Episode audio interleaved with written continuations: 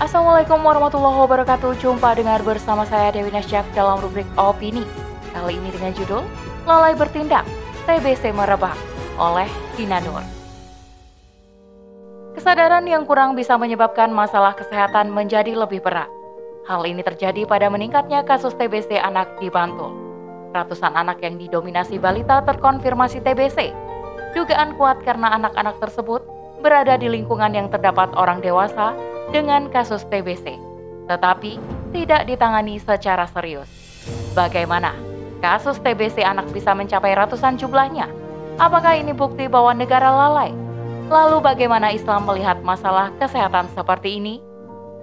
Dinas Kesehatan atau Dinkes Bantul melaporkan bahwa pada bulan Januari sampai November 2022 ada 1.216 kasus tuberkulosis alias TBC di wilayahnya.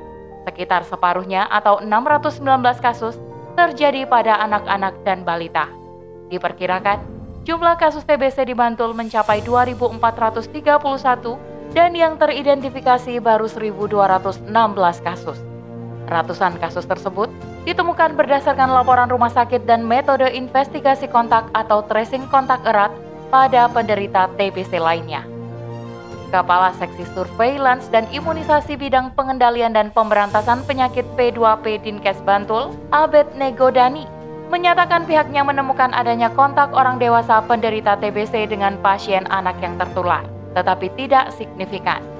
Ia juga menyatakan bahwa TB anak penularannya harus ada orang dewasa sebab TB anak sendiri tidak menular.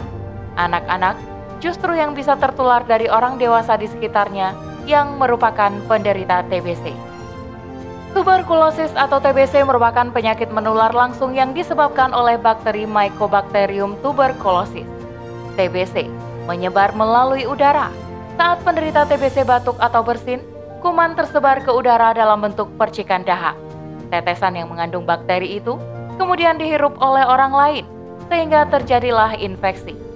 Kontak fisik seperti berjabat tangan, memeluk dan bersentuhan kulit tidak menyebabkan penularan TBC.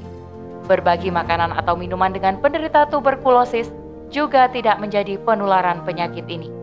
Penderita TBC yang batuk, bersin atau berbicara terlalu dekat dengan anak-anak bisa menularkan penyakitnya.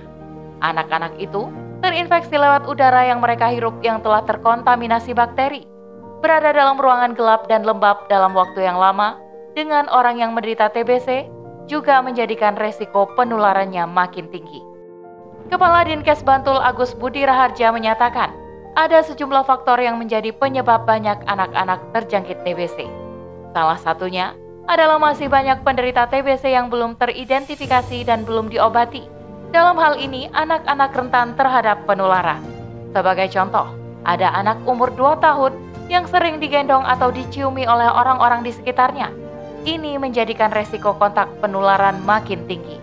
Faktor lainnya adalah aspek pemenuhan gizi anak yang kurang, lingkungan yang tidak sehat dan acuh, kondisi ekonomi dan sosial orang tua, dan pengetahuan orang tua yang kurang terkait kesehatan. Anak-anak yang diasuh oleh bukan orang tuanya sendiri seperti kakek neneknya, kerabat atau pengasuh juga rawan mengalami penularan. Karena ketika diasuh oleh bukan orang tuanya sendiri, sangat memungkinkan anak berdekatan dengan siapa saja yang bisa jadi di antaranya adalah penderita TBC. Melihat kondisi seperti ini, bisa ditarik kesimpulan bahwa faktor paling mendasar terjadinya pelonjakan kasus TBC pada anak adalah kurangnya pengurusan dari pemerintah. Kurangnya pemahaman masyarakat tentang kesehatan dan kondisi ekonomi sosial yang lemah berimbas pada rendahnya kualitas kesehatan masyarakat. Ini tidak bisa dilepaskan dari tanggung jawab negara dalam melayani rakyatnya. Negara lalai dalam memenuhi kebutuhan rakyatnya, baik dalam bidang kesehatan, ekonomi, pendidikan, dan sebagainya. Sudah menjadi karakter bawaan kapitalisme untuk menjadikan materi sebagai tujuan. Apa pun dikerjakan untuk meraih keuntungan. Dengan begitu, negara yang menerapkan sekularisme kapitalisme sudah pasti nihil dalam aspek pengurusan atau riayah negara hanya berlaku sebagai regulator bagi kepentingan pemilik modal, bukan sebagai pengurus rakyatnya. Bagaimana mau mengurusi rakyatnya jika sibuk mengurusi kepentingan para korporat? rakyat yang sakit pun terpaksa harus mencari jalan sendiri atau bertahan dengan bekal seadanya.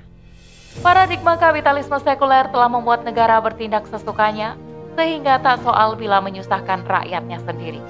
Kesehatan sering kali kalah dengan kepentingan duit, seolah enggan dan hitung-hitungan dalam mengeluarkan dana untuk kesehatan masyarakatnya. Bisa jadi alokasi dana minim karena sebagian besar telah masuk ke kantong-kantong para kapitalis ketika melayani pun tidak tulus untuk kemaslahatan rakyatnya. Kita masih ingat saat pandemi mewabah, negara tidak melakukan lockdown dengan pertimbangan ekonomi, padahal kondisi saat itu sudah sangat genting. Namun, kesehatan harus kalah dengan kepentingan ekonomi, tidak mau rugi dan mengeluarkan banyak dana untuk kesehatan rakyat.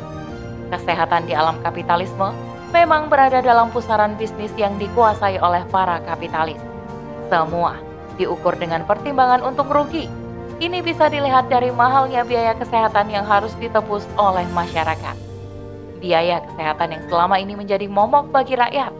Jika ingin mendapat pelayanan kesehatan, rakyat harus merogoh kocek dalam-dalam. Negara yang harusnya memberikan jaminan kesehatan malah menjadi penambah beban kehidupan rakyatnya.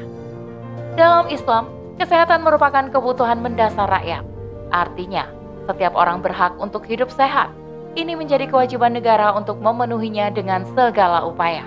Negara melakukan berbagai langkah pencegahan agar masyarakatnya terhindar dari bermacam gangguan kesehatan. Negara juga wajib menciptakan kondisi yang mendukung kesehatan masyarakat secara lahir dan batin. Masyarakat yang sehat jiwa dan raganya merupakan tanggung jawab negara. Pemahaman masyarakat tentang kesehatan juga menjadi perhatian negara Prinsip hidup sehat sesuai syariat selalu disampaikan dan dijaga agar terus hidup di tengah masyarakat. Dengan pemahaman yang benar tentang kesehatan, maka setiap orang akan senantiasa berhati-hati dalam bertindak. Bukan hanya untuk menjaga kesehatan pribadi, tetapi juga kesehatan semuanya. Sebab setiap orang menyadari bahwa menjaga kesehatan adalah salah satu bentuk beribadah kepada Allah Ta'ala. Pun, ketika ada warga yang sakit, sistem kesehatan berjalan untuk menyembuhkannya. Begitu satu kasus penyakit terjadi, pihak berwenang langsung bertindak cepat karena setiap nyawa menjadi prioritas. Tidak perlu menunggu kasus merebak dan berdampak luas, barulah negara bertindak. Fasilitas kesehatan tersedia untuk melayani semua orang tanpa membeda-bedakan latar belakangnya. Siapa saja yang membutuhkan pelayanan akan mendapatkannya dengan cara yang terbaik. Rakyat tidak perlu khawatir dengan masalah biaya karena negara telah menanggungnya. Ongkos kesehatan bisa relatif murah, bahkan bisa gratis jika memungkinkan. Tidak ada lagi kasus orang sakit yang terlambat penanganannya karena ketiadaan biaya. Rakyat tidak perlu takut ke rumah sakit untuk berobat atau untuk memeriksakan kesehatannya karena tidak terbebani dengan biaya yang mahal. Seluruh pembiayaan untuk kesehatan dan bidang lainnya telah didanai dari Baitul Mal. Kas negara ini memiliki sumber pemasukan dari harta milik rakyat seperti hasil pengelolaan kekayaan alam, harta milik negara seperti fai, jizyah, kharaj, ghanimah, dan juga dari zakat. Itu semua dipergunakan untuk memenuhi seluruh kebutuhan rakyat, baik yang reguler maupun yang darurat. Negara benar-benar menjalankan fungsinya sebagai pengatur urusan rakyat. Dengan penerapan Islam secara kafah, rakyat tidak akan terlunta-lunta atau menderita sakit berkepanjangan. Pemimpin melaksanakan amanahnya dalam mengayomi rakyatnya sebagaimana hadis Rasulullah, khalifah adalah pengurus urusan rakyat dan ia bertanggung jawab terhadap urusan mereka. Hadis riwayat Bukhari. Wallahu a'lam bishawab. Demikian rubrik opini kali ini. Sampai bertemu di rubrik opini selanjutnya. Saya Dewi Nasya kundur diri. Assalamualaikum warahmatullahi wabarakatuh.